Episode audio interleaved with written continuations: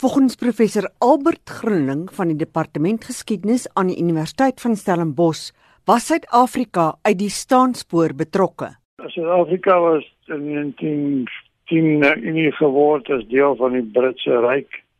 Die Engeland oorlog verklaar het op 4 Augustus toe Suid-Afrika outomaties deel van die oorlog gewees, maar daar was 'n proviso hoewel hulle outomaties betrokke was, kon hulle besluit in watter mate hulle wou deelneem. Koning George V het 11 November as die herdenkingsdag Papaverdag verklaar vir alle gesneuweldes in die Eerste Wêreldoorlog. In Suid-Afrika was die meerderheid Afrikaanssprekendes se wonde na die Suid-Afrikaanse oorlog nog te rou om namens Brittanje te veg. Deels vir daai sentiment aanleiding gegee tot die uitbreek van die 1914 rebellie in Suid-Afrika, soos destyds die Transvaal en die Vrystaat plaasgevind het en leiers soos uh, Christian de Wet en Beyers uh, wat almal betrokke was in die Boereoorlog was ook betrokke by die rebellie gewees. 'n Rebellie wat misluk het. Generaal Jan Smuts het as minister van verdediging in Louis Botha se kabinet die Suid-Afrikaanse verdedigingsmag in die Eerste Wêreldoorlog gestig en die pro-Duitse rebellie van Marits onderdruk.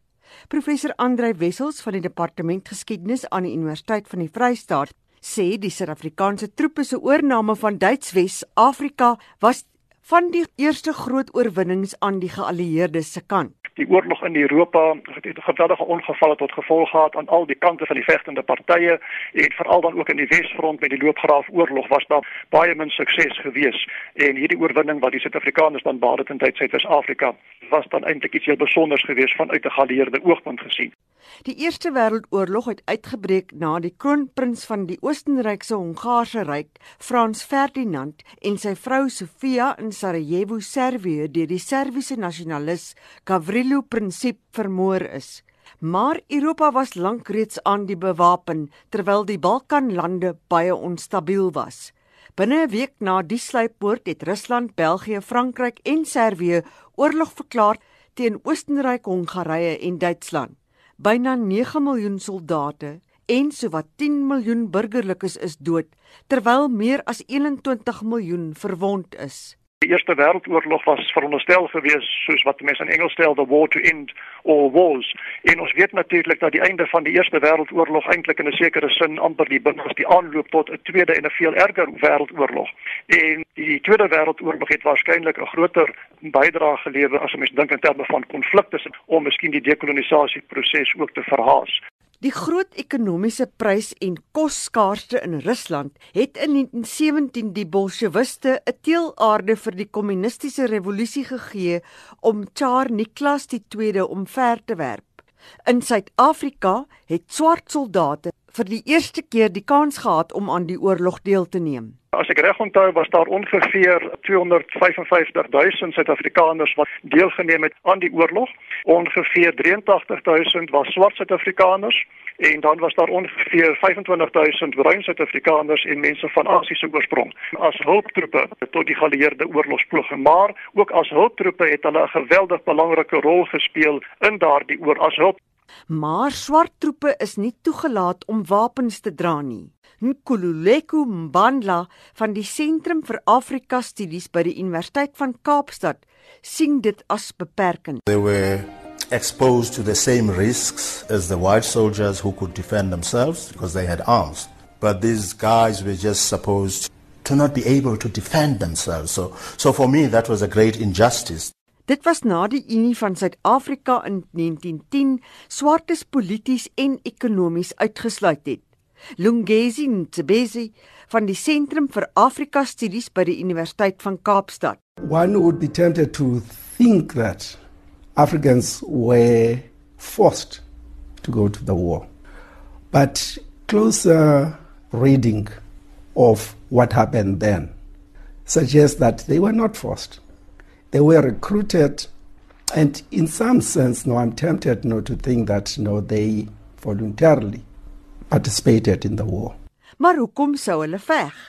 At the time, including the leaders of the ANC, which was at the time called National Native Congress, had this view that the British would protect them against the Boers. Beloftes was daar glo. That were made by the recruiters, like the poll tax would be relaxed, pass laws would be relaxed, grants of land now would be made, and so on. But as we know, none of this was fulfilled. Een van die grootste tragedies was die dood van meer as 600 swart soldate in die Engelse Kanaal toe die SS Mendi gesink het na 'n ander groter skip teen hom gebots het.